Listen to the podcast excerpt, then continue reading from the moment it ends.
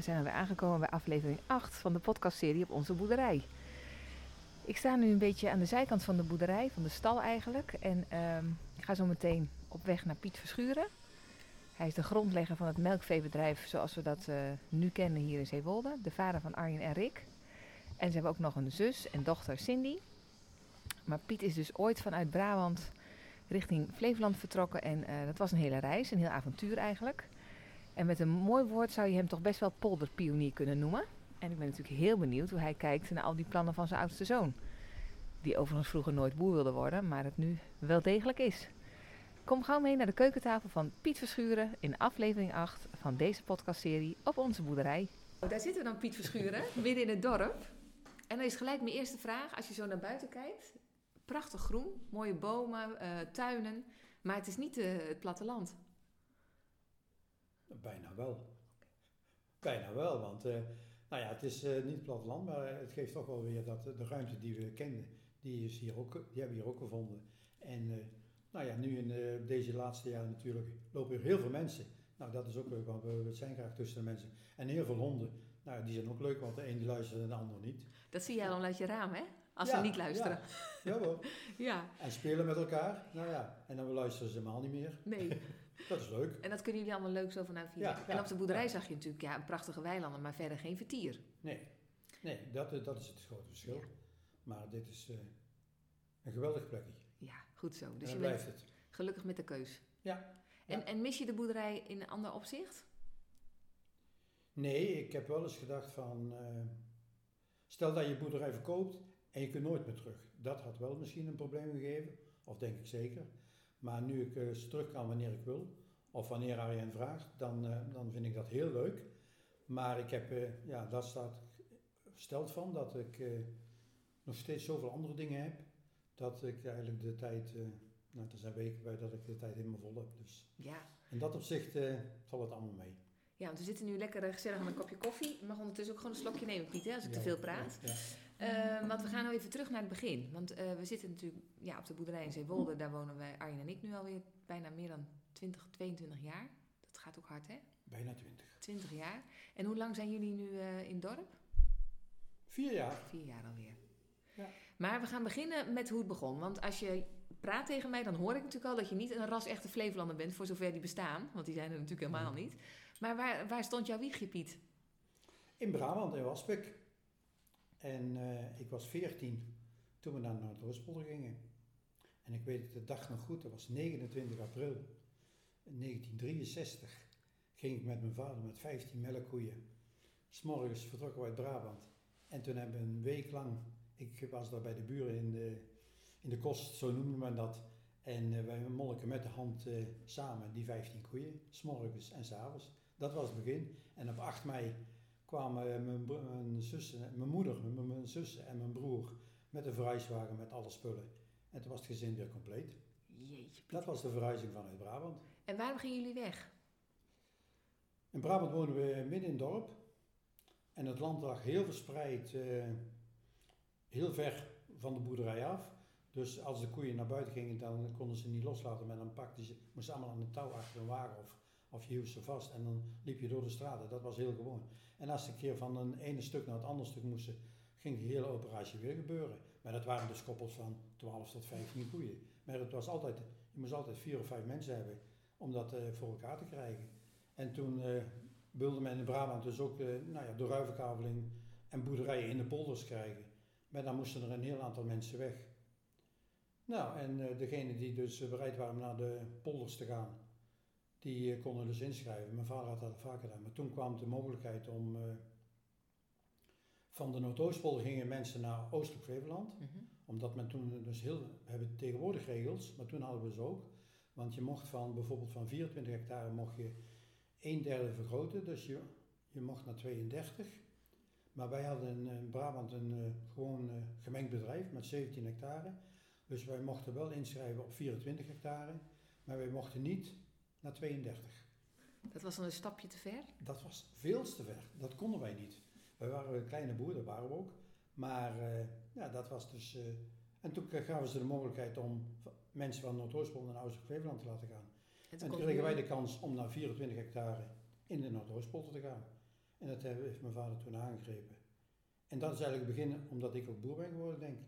Ja, Want ik vraag me af, anders had ik ooit, had ik ooit in Brabant boer geworden, dat weet ik niet. Want, want was jouw vaders vader ook al boer? Ja, Dus je komt en alle echt, broers, echt uit waren, een... alle broers waren van mijn vader waren boer. Het was echt een boerenfamilie. Ja. En altijd geweest en nog. En Alle wat- takken hebben nog steeds ondernemers in de familie die dus boer zijn. En, en wat was het nou aan je vader dat hij dus die sprong nam? Want Brabant is gewoon echt ons kent ons, gezellig. En dan ga je zomaar met je hele karavaan en je 15 koeien naar het nieuwe land. Wat is dat in jouw vader geweest dat hij daarvoor koos? De uitdaging denk ik. Hij heeft het vaak geprobeerd, hij had het vaak geprobeerd. En toen was ook de grens van als je 50 jaar bent, dan mag het niet meer. Oh. Dan ben je weer te oud.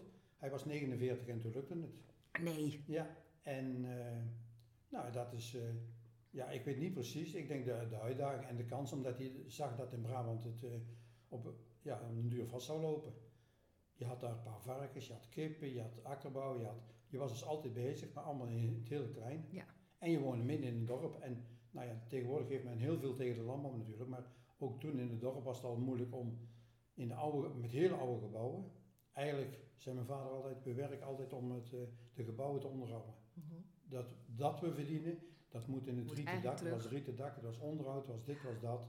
Dus op die manier, ik denk dat dat hem eh, gestimuleerd heeft. Ik denk dat dat voor, moeder, voor mijn moeder een hele grote stap is geweest. Zo. Een En, hele grote. en dan heb je het echt over het sociale, denk ik, hè? Ja, ja, Want al haar familie woonde daar? ja, ook in Brabant. Ja, ja. En toen, eh, ja, kijk, nu is Brabant, eh Noordoostpolder is, nou ja, een uur, Ja. anderhalf. Maar in maar die toen tijd... Was, in die tijd was dat veel meer. Ja. En, eh, nou ja, ze, ja ik denk, ik denk, bij- voor mij is het een hele mooie stap geweest. Ja. Maar wij waren heel jong natuurlijk, dus wij begonnen opnieuw op scholen en nou, nieuwe contacten, nieuwe vrienden. En van daaruit gingen we verder. Maar jij was wel degene die met je vader dan meeging om het eh, starten alvast? In ja, dat moment vond ik heel mooi. Nou, hoe oud was je toen dan? 14. 14 En dan jaar. zaten wij dus morgens vroeg eh, die koeien te melken. Ja. Hij acht en ik een zeven. En had je veel gesprekken met je vader? Praten jullie vroeger als kinderen met je vader? Jawel. Ja? Jazeker. En echt over het bedrijf ook al? Nou ja, nee, eh, nee, nee zo- dat, dat, was zijn, dat was zijn. Maar hij was al in maart al naar eh, de Noordoospolder vertrokken. Maar met de paarden, toen werkten we nog met paarden. toch. Want het land moest nog geploegd. Het was een hele strenge winter natuurlijk, 63. En dus ze konden heel laat eh, op het land beginnen. Met half maart is hij toch... eh, en toen is hij ook bij anderen daar ook... Heeft hij, door de week was hij in de kost, zo noemen ze dat. Ja. En door de weekenden, in de weekenden kwam hij dan naar huis. En, en hoe ervaarde je dat, dat je vader dan weg was als kind? Nou, daar kan ik me weinig meer van herinneren. Oh, echt? Ja, ik, eh, ik eh, vraag me wel eens af hoe hebben we dat toen gedaan. Maar meer, Ja. mijn zussen waren veel ouder natuurlijk. Dus met elkaar hielden wij de boerderij eh, draaiende. Ongelooflijk, hè? Maar dat, werd natuurlijk ook heel, dat was gewoon zo, Ja. gegeven. Ja, dus zes weken, zeven weken heeft dat dus wel geduurd dan. Ja. En weet je nog wat, wat je voor het eerst dacht toen je de polder zag? Want Brabant heeft natuurlijk ook van die mooie vierkantjes en glooiend. En dat is toch wel echt een heel ander soort landschap... dat je daar in die kale Flevopolder aankomt, Piet. Weet je nog wat je dacht? Nee, de- toen hier wel, maar daar niet. Nee. nee, daar was het dus echt bewoond. Ja. Dat was, daar- je kwam toch in een gemeenschap die, er, die gezetteld was. Want waar gingen jullie naartoe precies? Ens. Ens. Ja, dus je kwam in een gemeenschap die gezetteld was en daar is, eh, nou met de buren die trokken heel nauw met je op. Had je heel veel contact mee en van daaruit, eh, nou ja, doordat je school, kerk en alles eh, gelijk contacten had, liep dat eigenlijk heel soepel. En wij hadden, eh, dus eh, ik had vier zussen, dus gelijk kwamen er ook eh, hè, jongens. Oh, in de wijk. ja, Dus, leuke meisjes uit Brabant. Dat was beleving in, eh, in eh, Ja. Ja, Dus als jong, als, ja, of groot gezin, we waren met zessen natuurlijk. In dat opzicht, ja, was het gelijk eh, allemaal anders. ja maar je lacht, dus je had, je had daar een goede tijd, want je lacht als je erover praat. Ja, ik vond het heel leuk. Ja. Nou ja, ook wel, nou de overstap van, nou, ik heb daar dus, ik zat op de Mulo, zo heette dat toen natuurlijk, de MAVO Mulo, met het is de Mulo. Eh, toen zijn we hier, nou dat was in, eh, in mei kwamen dus, dat was het laatste stukje, dat, Stuk, dat ja. pakte verkeerd uit. Toen had je nog tentamens in het vierde jaar, want ik zat in het derde jaar. Nou, met die leerkracht, maar vooral met die directeur kon ik helemaal niet overweg. Of hij niet met mij, dat weet ik niet. Maar in ieder geval, eh, ik strandde bij het tentamen in, in december. Ik mocht geen examen doen. Was ook nog een van de regels toen. Geen examen doen? Nee, ik heb, dus ik had drie jaar MULO. Toen ben ik eraf gegaan. Ja. Toen ben ik gestopt. Toen ben ik in eh, augustus eh, naar de middelbare landbouwschool gegaan in Emmeloord. Nou, en dat ging geweldig. Maar toen had je misschien ook iets, eh ging je iets doen ja. wat je leuk vond. Ja, dat, dat ook zo. En, dan, en toen met het eindexamen ik de beste. Zo. Zo kan het veranderen. laude, Ja. Zo kan het veranderen. En dan zit je daar een aantal jaren en dan kriebelt het bij jou al snel dat je dacht, ik ben ondernemer? Of wanneer weet je bij jezelf, ik word, ik word boer en ik blijf boer? Wanneer wist je dat? Dat wist ik al toen ik 14 was. Echt waar? Ja. Waarom? Waarom Ja, weet je, dat? bent- je bent erin opgegroeid en eh, dieren om je heen. Akkerbouw niet, maar dieren om je heen was het eh, belangrijkste. En dat, eh, ja, ik wist dat, maar je weet nooit de toekomst. Tegenwoordig moet alles gepland zijn en gebaseerd op en vooruitziende blik. Nou, dat hadden we helemaal niet. Dat heb ik ook nooit gehad. Al wel, de- op het moment dat je stappen kunt zetten, stappen zetten. Maar nee, toen ik 14 was, ik had al thuis een eigen tuintje in Brabant, al een eigen tuintje dat wat bezig waren. Op die manier, ja, dat zat in je. Ja. Daar ben je mee geboren, denk ik, ik weet niet. Dus dan heb je al het gevoel, ik word boer, dan zit je daar in de Noordoostpolder. En ehm, hoe lang ben jij thuis blijven wonen? Wanneer ben je zeg maar zelfstandig gaan wonen? Hoe ging dat vroeger? En toen we trouwden, dat was in 71. En waar, waar zag je dat leuke meisje? Was het een Enser meisje? Ja, ja, maar dat was al veel eerder. Oh ja, vertel eens. Dat was in, eh, in Rutte. Toen had je natuurlijk echt die, die dansavonden en culturele wedstrijden, creatieve wedstrijden, culturele wedstrijden, alles dat soort dingen. Dan trok heel de polder naar één plaats. Oh echt? Nou, en dat was op een avond dat we daar in Rutte waren en dat ik dus eh, geen vervoer naar huis had. Dus, eh, en José de broer die, eh, die was er met de auto, dus ik mocht mee naar huis rijden. Maar had je José toen al in de gaten of ging het je echt om, om de taxirit? Nee, José zegt altijd om de taxirit. het was het begin, laat ik het zo zeggen. En, en kwam José ook van een boerderij? Ja, Dus jullie hadden allebei wel eh, het hoofd op later samen iets agrarisch? ja, dat denk ik wel. Ja, dat is nooit anders geweest. Nee. Dus dat was, en in 71 toen eh, zijn we getrouwd. En toen eh, hebben we een huisje, in de Noordoostpolder heb je de arbeidswoningen van vroeger uit. Daar gaan we er één gekocht. Op grotere afstand, want het, vlakbij was alles al verkocht. Vlakbij de boerderij. Mhm. Maar toen binnen een jaar kwam die wel te koop, die tegen de boerderij aanstond zowat. Toen hebben we die andere weer verkocht en die gekocht. Binnen een jaar zijn we dus al verhuisd voor de eerste keer. Zo. Ja, en toen zaten we vlakbij de boerderij. En hoe ging, de, hoe ging dat eh, met jouw vader? Hè? Had, je- was je gelijkwaardig of was je echt nog degene die eh, met je vader optrok? Of besliste je vader? Hoe ging dat? Hoe ging die verstandhouding? Eh, ik was een loondienst, dat was in die tijd. En dan, eh, maar het ging echt in overleg alles. Oké. En toen hij, eh, toen ik dus eh, volledig thuis, of volledig thuis, ja, in, in 71 volledig thuis kwam, toen, eh, ja, ik ben eigenlijk altijd thuis geweest trouwens, maar toen ik getrouwd was, toen kwam ik in loondienst en toen hebben we dus eh, een varkenstak erbij genomen. Ja, zo, dus om het bedrijf wat te vergroten. Ja. Er was 50 fokzeugen. Nou, dat was mijn vader zijn liefhebberij, want dat, vanuit Brabant kende hij dat goed natuurlijk. Dus dat heeft hij met eh, heel veel plezier altijd gedaan. En ik deed meer de koeien en dan eh, het land. En hij, hij deed meer de varkens. En het ging altijd in, goede verstandhouding en goed overleg. En in, tot 1970 heb ik met paarden gewerkt. En toen is de eerste trek gekomen. Een van de, de laatste in de Noordoostpolder die met een trekker begon. En vond jij het leuk om met paarden te werken? Ja, Ja, echt? Dat is schitterend. Met drie paarden ploegen is schitterend. Ja, en dan denk je, dan loop je de hele dag in zijn voor achter die paarden aan. Ja, dat is geweldig mooi. Prachtig. Kan je het nou niet meer voorstellen, te hè? Nee, dat, Is niet, dat is niet meer voor te stellen. Maar het, het is wel een, ja, een, een feit en dat, eh, ja, dat, dat geeft echt voldoening. Ja. En, en wan- wanneer komt dan het moment dat eh, je zegt van ik ga zelfstandig verder? Hoe oud was je toen? Of dat je vader zei, nou Piet, het is tijd dat jij als oudste... Nou, wij hadden afgesproken dat we in 78, toen werd ik 30, dat we de- zouden wisselen. En eh, wisselen betekende niet dat hij naar ons huis ging, maar toen hebben ze een huis gekocht in Kraggenburg. Want ook was, dat was ook een tijd dat de huizen duur waren. Niet wat ze nu maar wel dat ze duur Ja. waren. En toen eh, hebben ze daar een huis gekocht. Toen hebben wij ons huis verkocht en zijn wij naar de boerderij gegaan.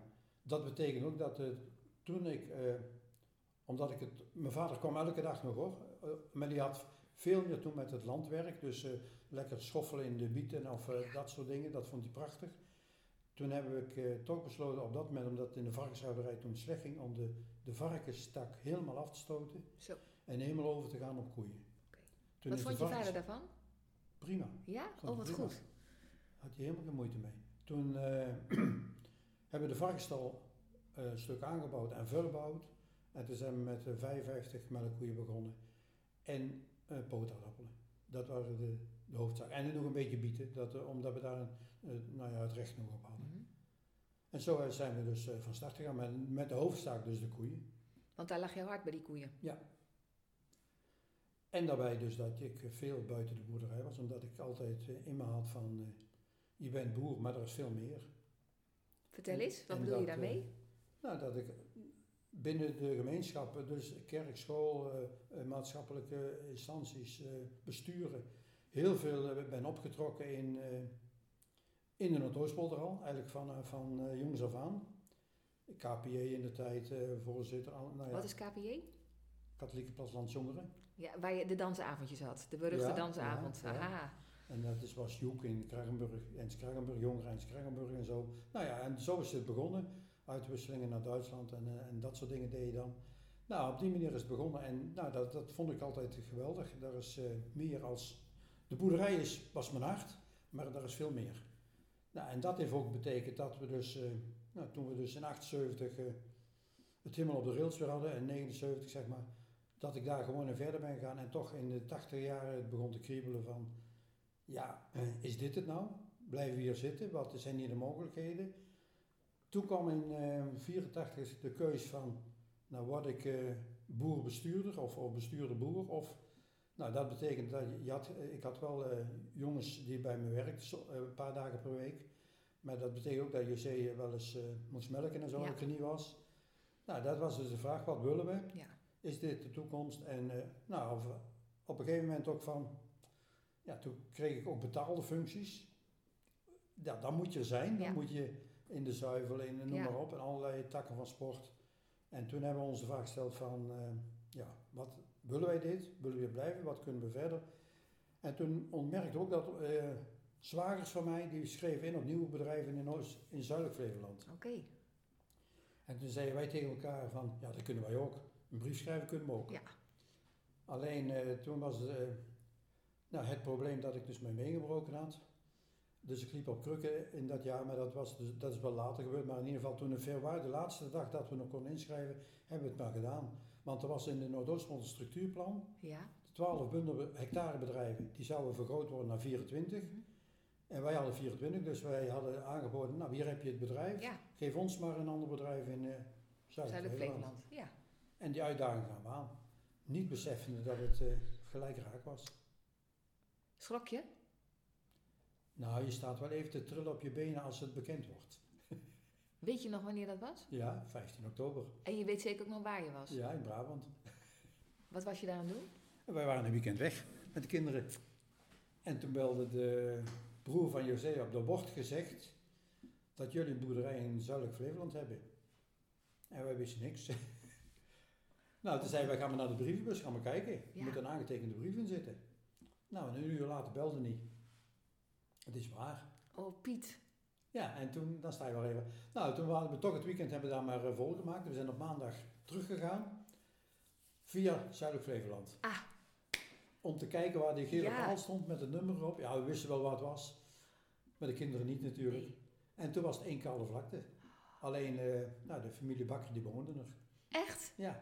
Onze buurman Harry nu Ja. dus. Nou.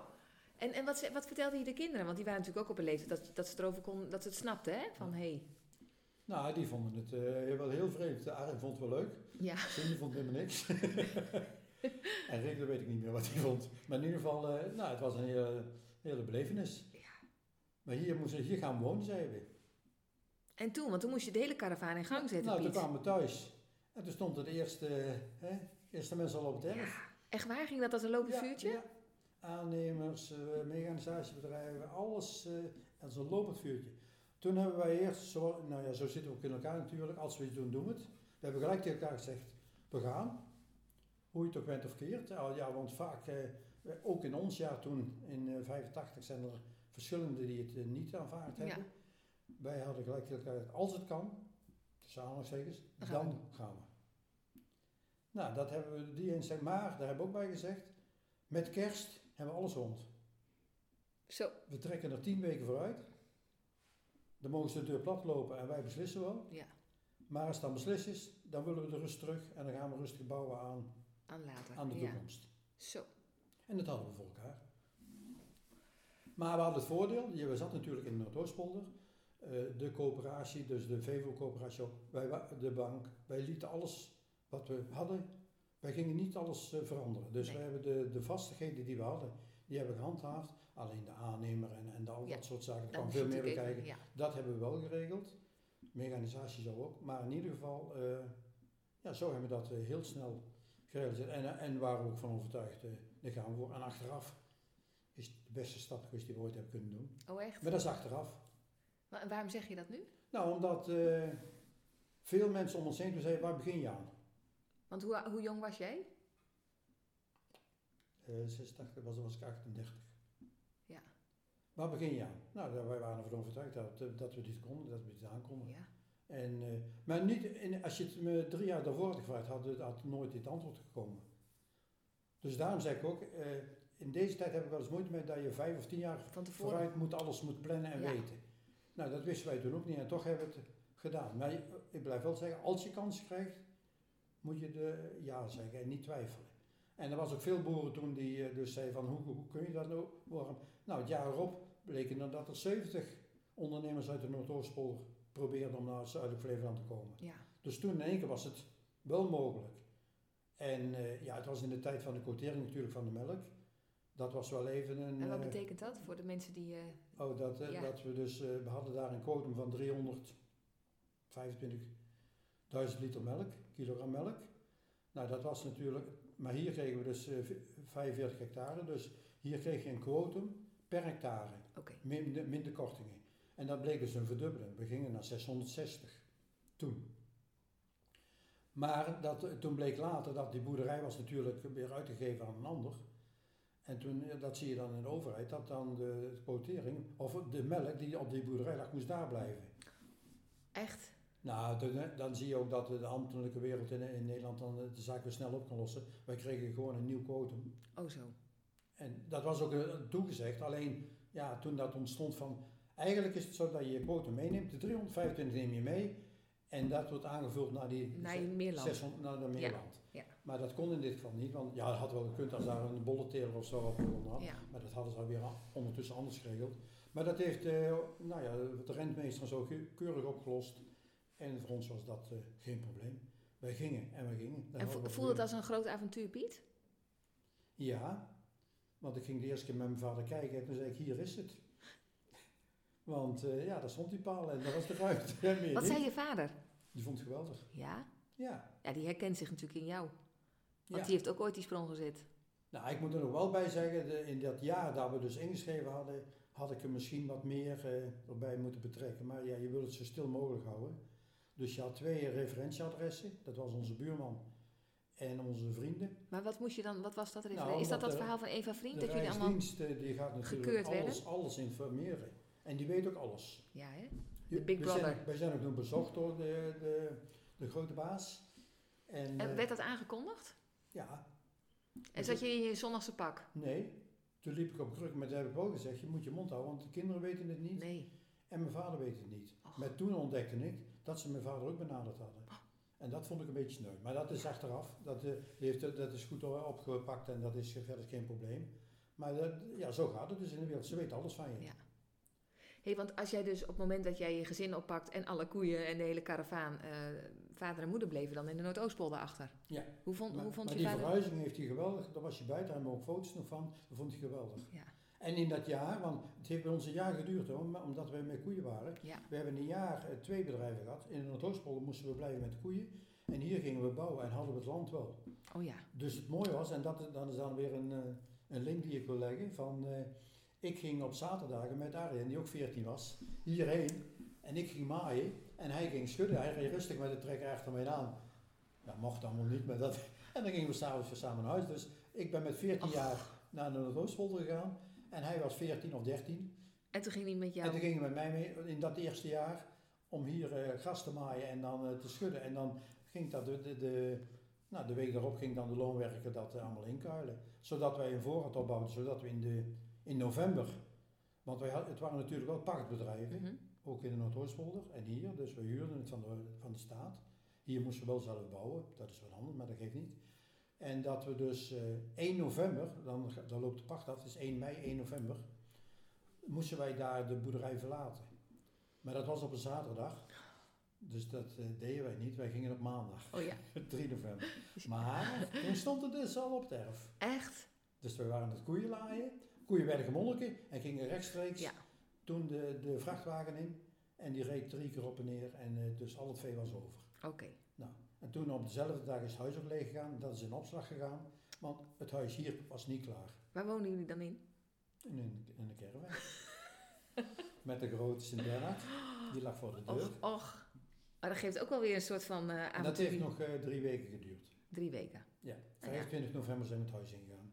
Mooi, net, wel, dik in de winter bijna Ja, ook. ja, Niet te koud in die caravan? nee. Nooit last nee. van gehad. Maar daar had de aannemer aan voor gezorgd. Dat was Oh. goed voor elkaar. En een douchen en zo in de, in- bij de tank, hè. Of douchen, dat kun je geen douchen noemen. Daar Nee. stond een bad voor de kinderen. Oh. Ja, Was het een mooie tijd, Piet, het Ja. pionieren? een hele mooie tijd. Wat, wat, wat, wat vind je er zo fijn aan? Alles is nieuw. Heel veel mensen heb je om je heen.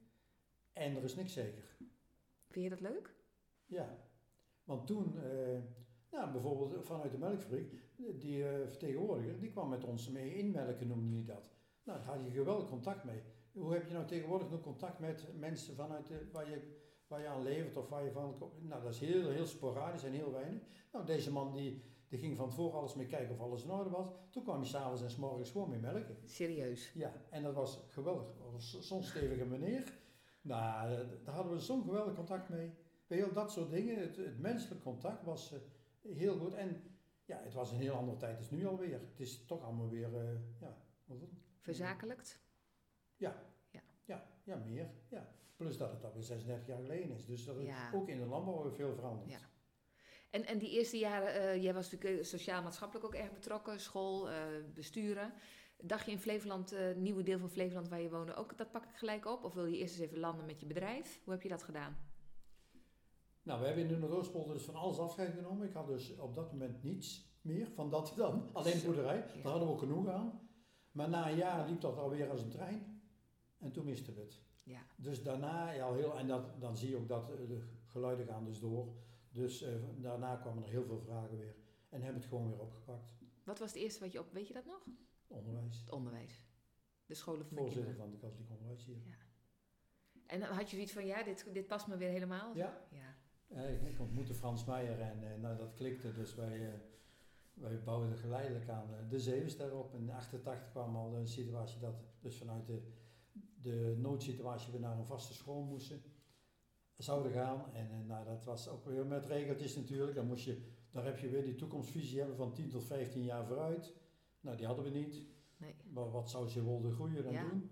En eh, wij samen naar het ministerie. Ik zie het nog steeds voor me.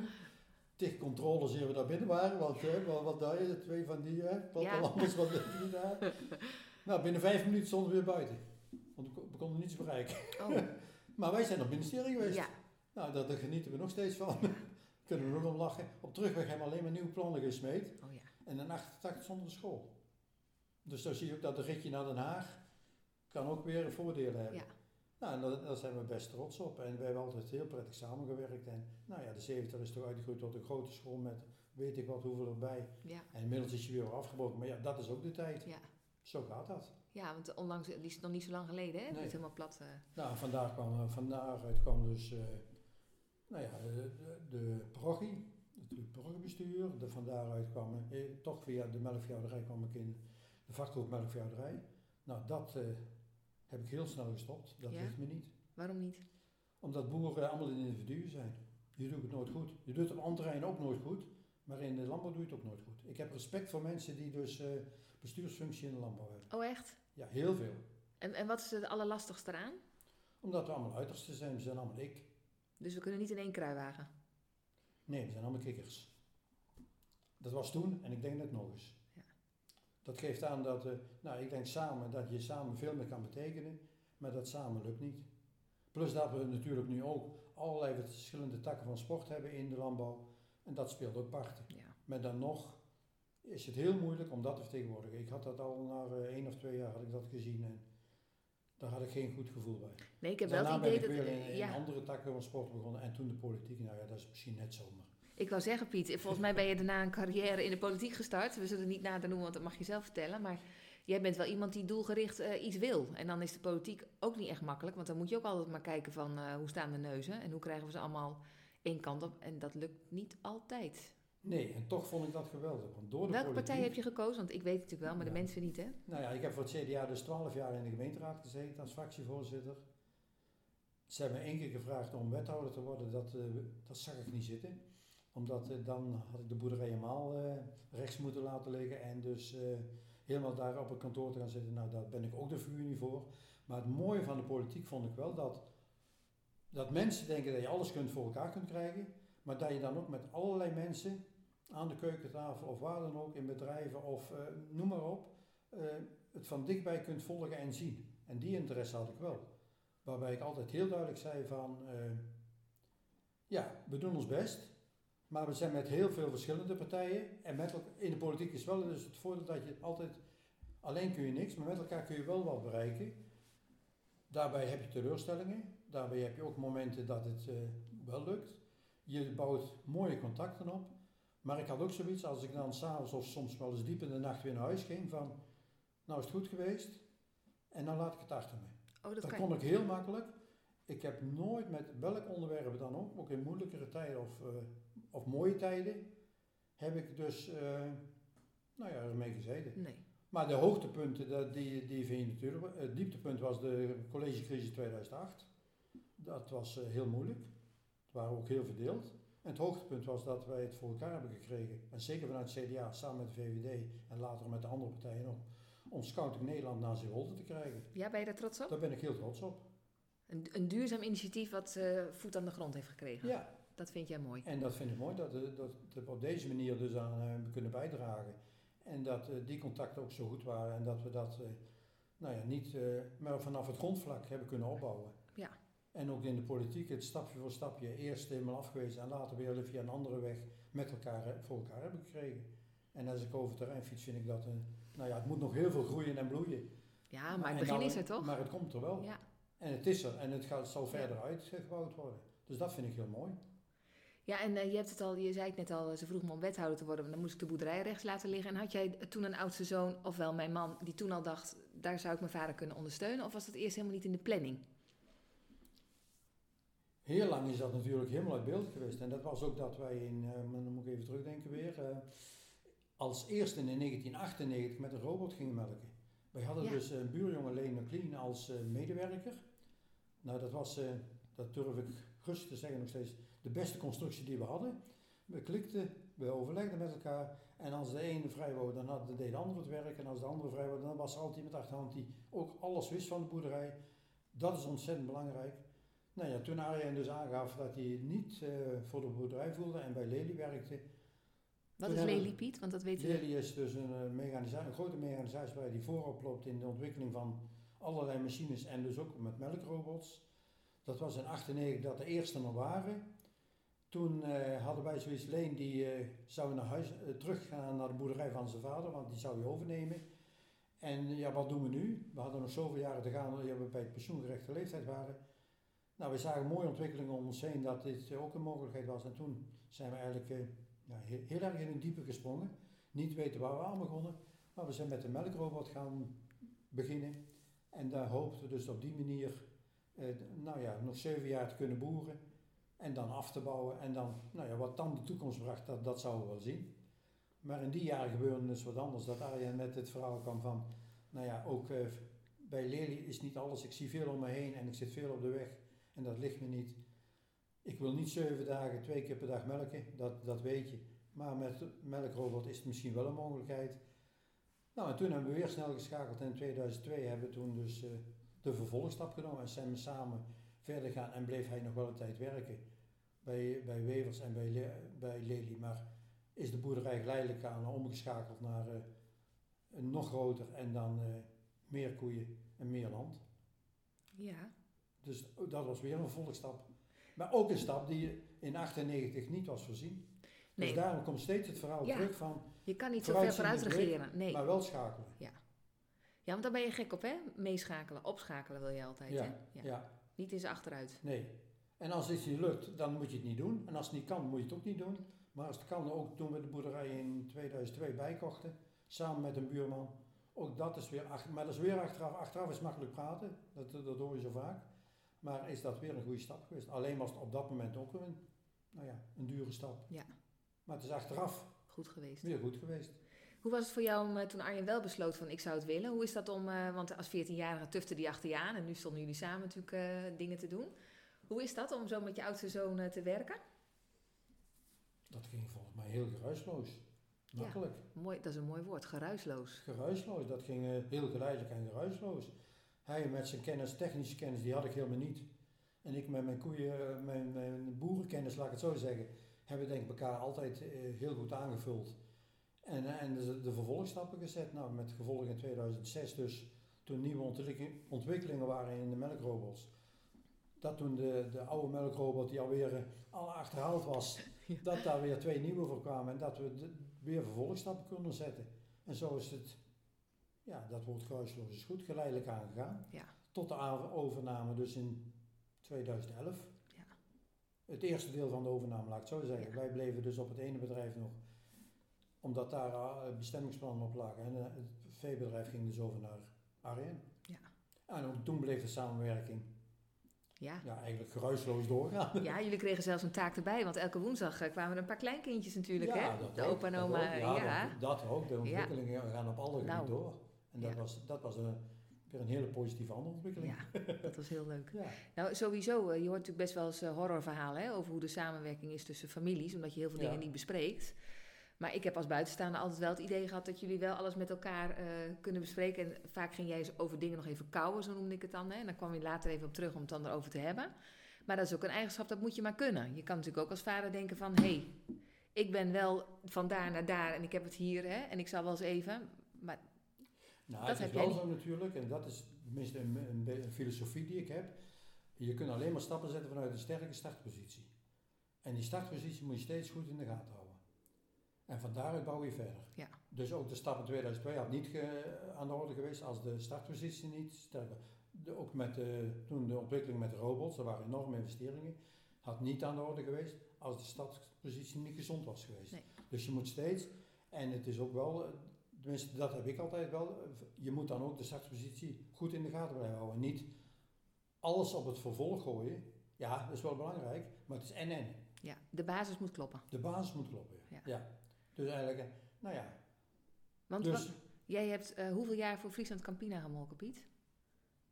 Weet je dat nog? Want ik, het Ja, is heel veel, eh, je hele tot- leven. Totdat dat Arjen die overstap maakte. Dus dat is, ik heb daar in bestuur gezeten, ik heb er alles mee meegemaakt. Dus in, in 78 ben ik daar begonnen tot 2018, dus 18. 40 jaar. 40 jaar. Maar dan komt er dus een moment, want jij had zelf ook wel door dat het niet helemaal lekker liep. Hè? Want Arjen had heel veel geprobeerd bij de fabriek Ja, om ja, echt te zeggen ja. van ik word biologisch, pak mijn melk. Ja, ja. Maar hij werd eigenlijk een beetje buiten de deur, want heb, dat heb je wel gezien, die strijd toch, van hem? Hoe vond jij dat? Nou, vind ik, op zich vind ik dat jammer. Maar ik begrijp heel goed, als, als het dan niet meer er is, dan moet je weer een andere stap kunnen zetten. En als je daar een goed gevoel bij hebt, op dat moment, en de mensen ontmoet die jou wel begrijpen, en wel dus eh, mee op de vervolgweg willen gaan, dan moet je die stap nemen. Ja. En dat, dat is, eh, soms is dat afscheid nemen en eh, nieuw starten, en soms is dat doorgaan in wat je hebt. Wij konden toen we naar eh Oost-Veeland gingen in eh 86, 85, konden wij een hoop dingen wel doortrekken. Daar waren we blij om, dat gerust. Maar je moet ook bereid zijn om, de, de, de tijd gaat steeds sneller, om Ja. ook af en toe te schakelen. En dat is heel prima. En dat is biologische landbouw één van. Nou, ik, wat ik er van de buitenkant van zie, is dat positief. En eh, ook daar zijn natuurlijk wel eh, plussen en minnen, daar, daar laten we daar heel eerlijk in zijn. Maar het is heel positief en in dat opzicht gaan de ontwikkelingen door. Ja. Ik geloof niet in eh, terug naar, naar vroeger, van een paar koetjes dat je rond kunt komen. Nee. Ik geloof absoluut niet in. Wie dat nog steeds denkt of verkondigt, die begrijpt er niets van. Is dat een droombeeld wat heel veel eh, mensen toch hebben bij dat platteland, Piet? Nou, als ik soms nu ook in de verkiezingsstrijd hoor dat er daar soms verhalen gaan, dan denk ik van, Ja. begrijp ik niet. Kan niet, is, is niet meer van deze tijd en, en zal ook nooit meer terugkomen. Want je kunt, hoe idealistisch je ook bent, je kunt niet met vijf koeien of tien koeien kun je rondkomen. Los van alles, of je dat wilt of niet.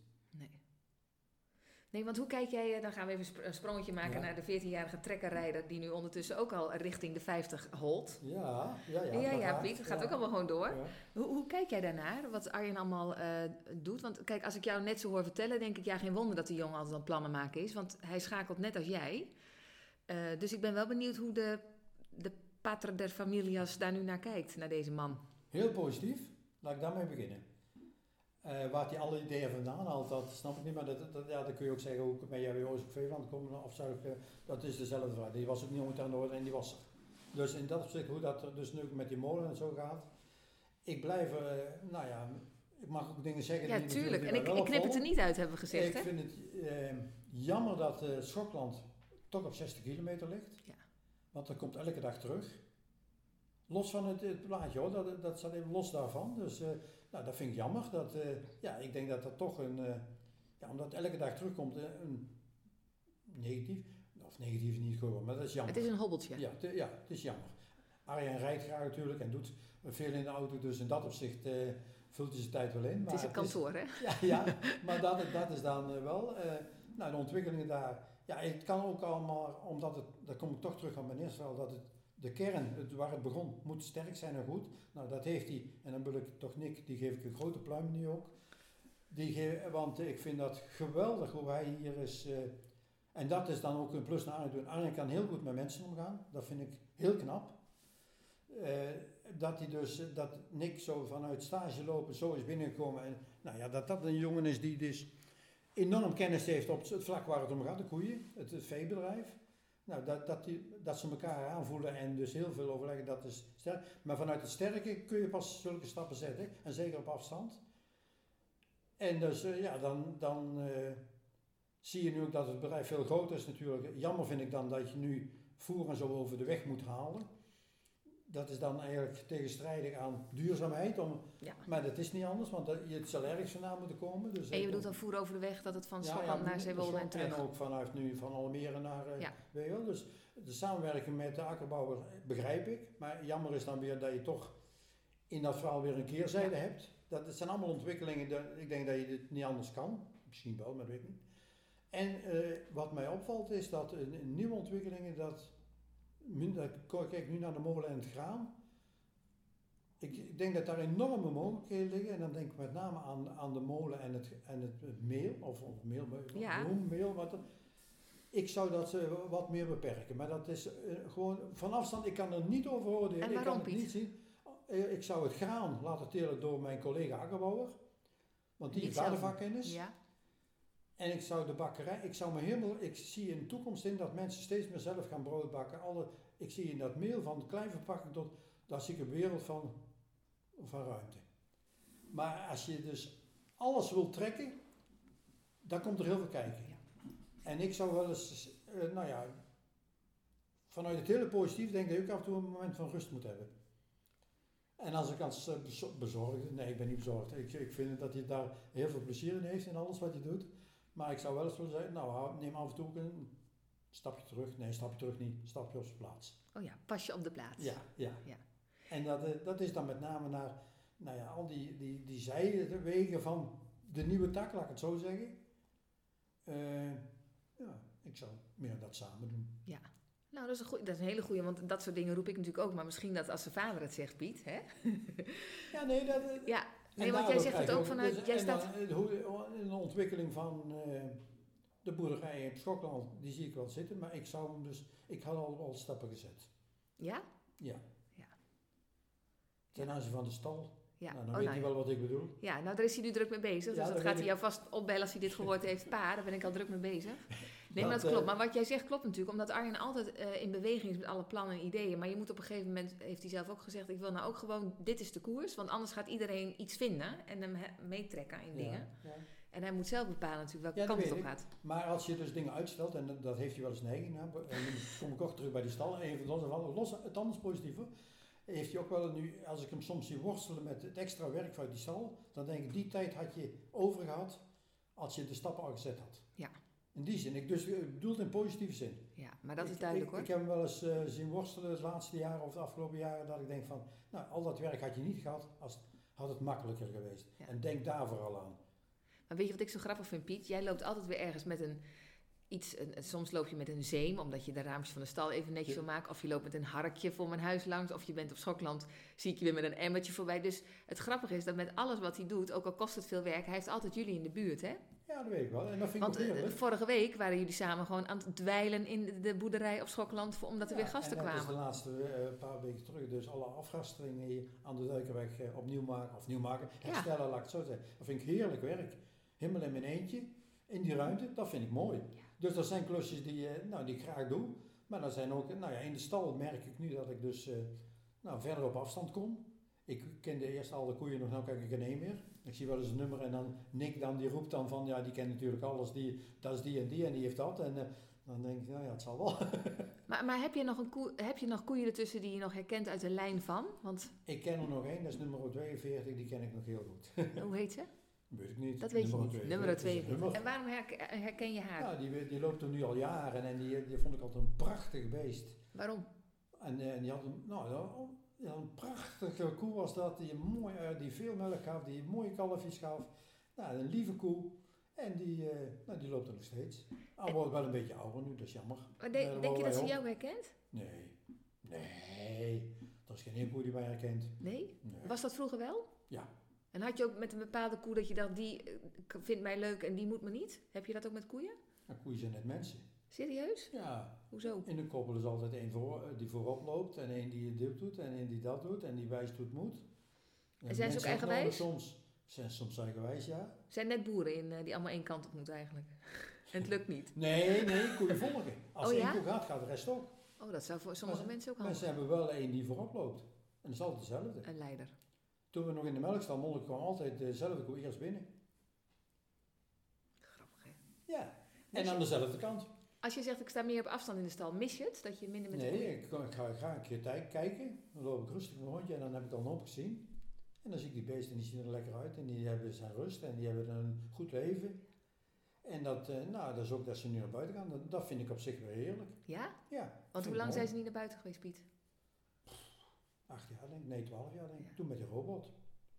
Dus voor jou, dit vind je positief dat ze weer lekker Ja. erbij? Ja, En ik, waarom? vind, ja, ik zou ze nog meer ruimte geven, maar dat, eh, Ja.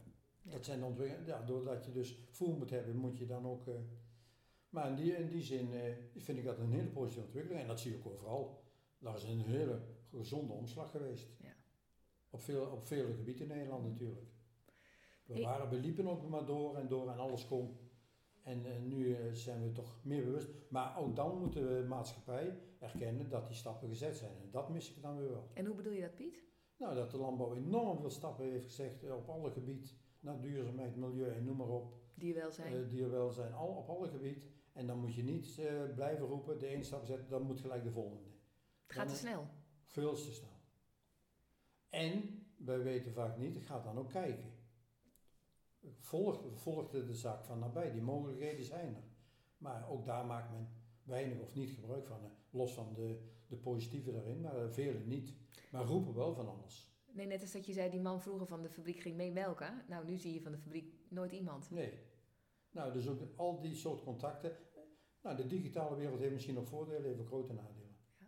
En ik denk dat dat hier ook in past. En social media vind ik een heel eh, nou, eh, nadelig eh, medium. Ja? Men gooit er alles maar op en men is altijd eh, vrij om te roepen en te, te beleren wat men kan, men, men wil. En eh, je kan wel antwoord geven, maar je staat altijd in, op een achterstand. Ja. En dat is jammer, want er is zoveel positiefs. Precies, zoveel positiefs. En dat vind ik ook leuk aan Arjen en de jongens. Hè? Dat ze altijd Ja. openstaan om alles eh, te vertellen en te delen Ja, als je het ze vraagt. Want dat, en dat mag ik dan allemaal opschrijven natuurlijk. Dat is Ja, weer mijn wel, vak. ja, wel. Nee, maar, Maar dat ze is, staan dat er is wel juist heel open. positief. Wees open en brengt alles.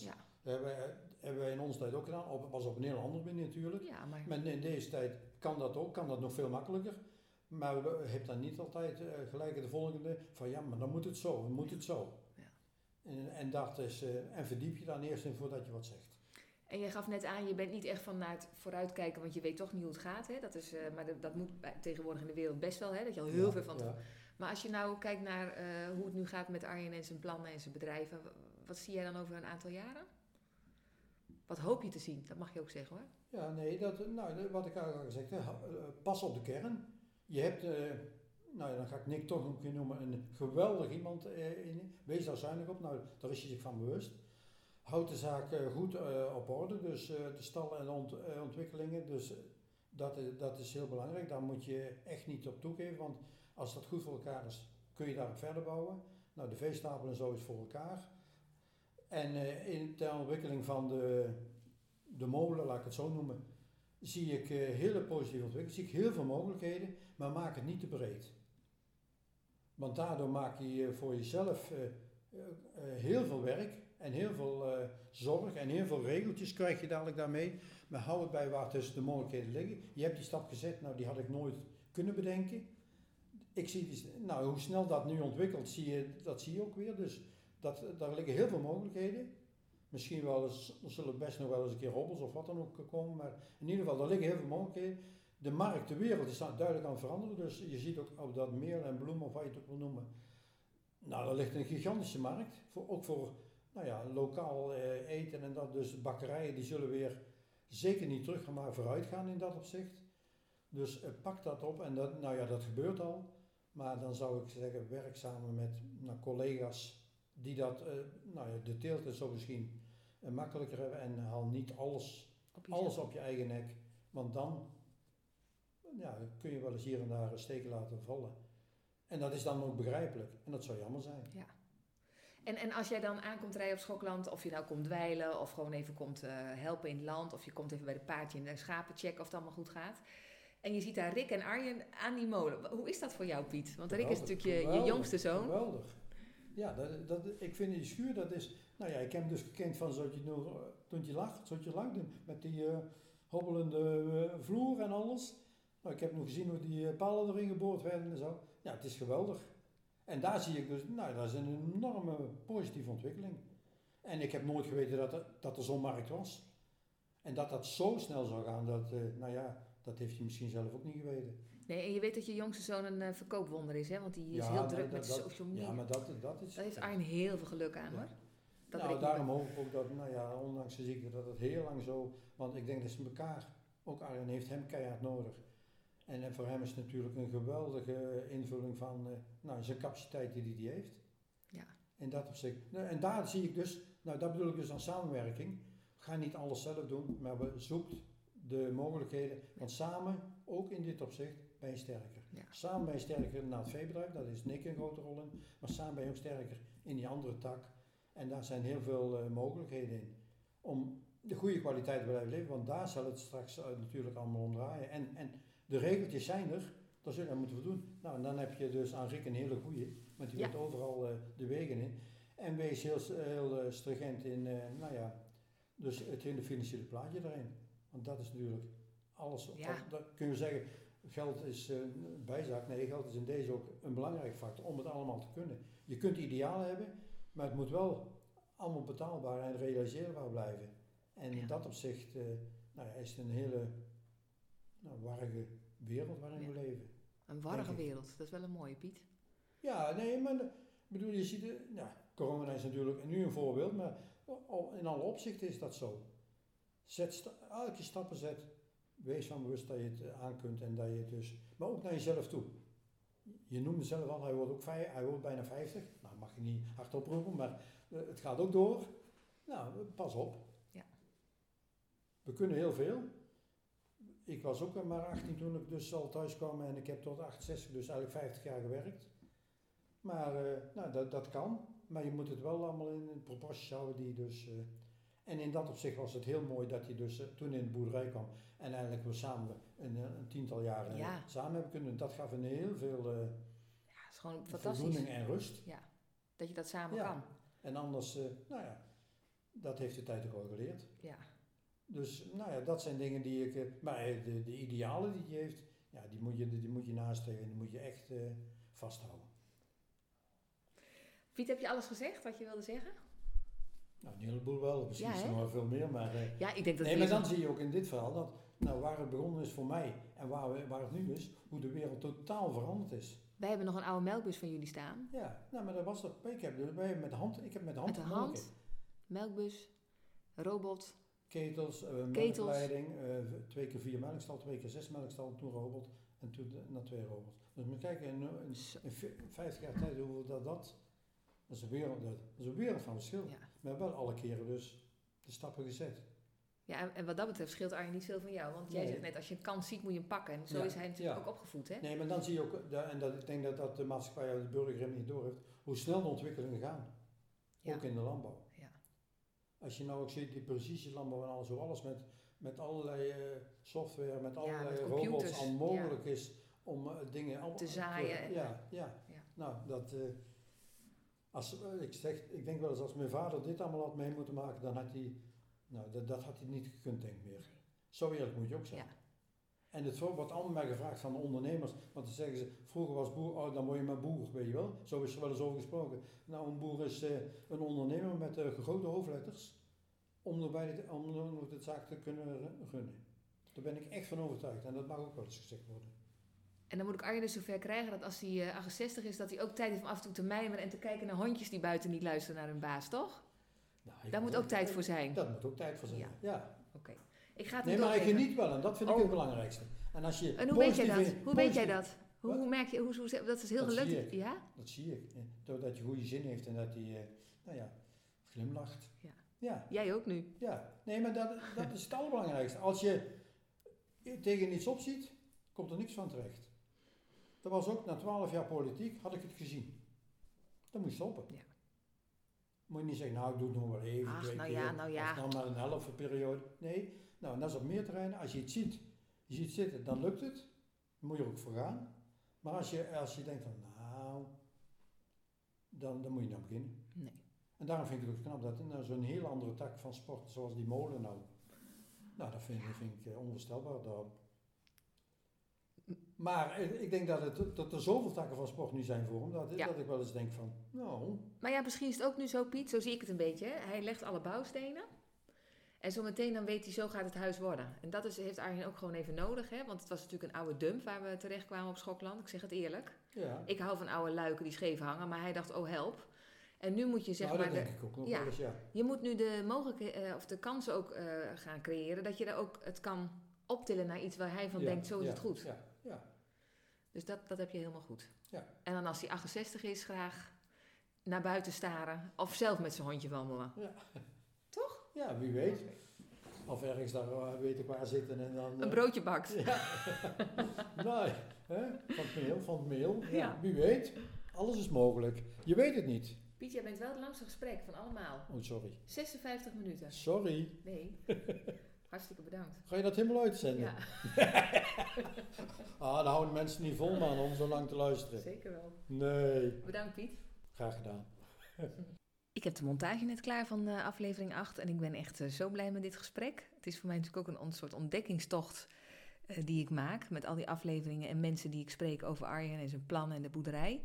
Maar om Piet zo als eh, nou, trotse vader te zien vertellen over zijn zoon en alles wat er gebeurt op het platteland. Nou, dat is gewoon echt voor mij ook een, eh, een cadeautje eigenlijk. Ik heb nu alweer zin in de volgende aflevering. Dat wordt aflevering 9. Eh, Want Arjen werkt natuurlijk al eh, heel lang en heel hard om zijn droom waar te maken. Maar ja, doet hij dat nou voor zichzelf? Of is dat ook om door te geven straks aan onze kinderen? Ehm, het handigste is dan om ze dat natuurlijk zelf te vragen. Hebben zij eigenlijk zelf ambitie om later boer of boerin te worden? We gaan het ontdekken in aflevering 9. Dat is dus volgende week. Ik hoop dat je met heel veel plezier hebt geluisterd naar deze aflevering. Als je vragen hebt kun je mailen arjen.ikbenboer.nl En als je het leuk vindt om deze podcast te delen, nou dan word ik ook blij, want hoe meer mensen weten over het platteland, hoe beter. Hartelijk bedankt voor het luisteren en graag tot de volgende keer.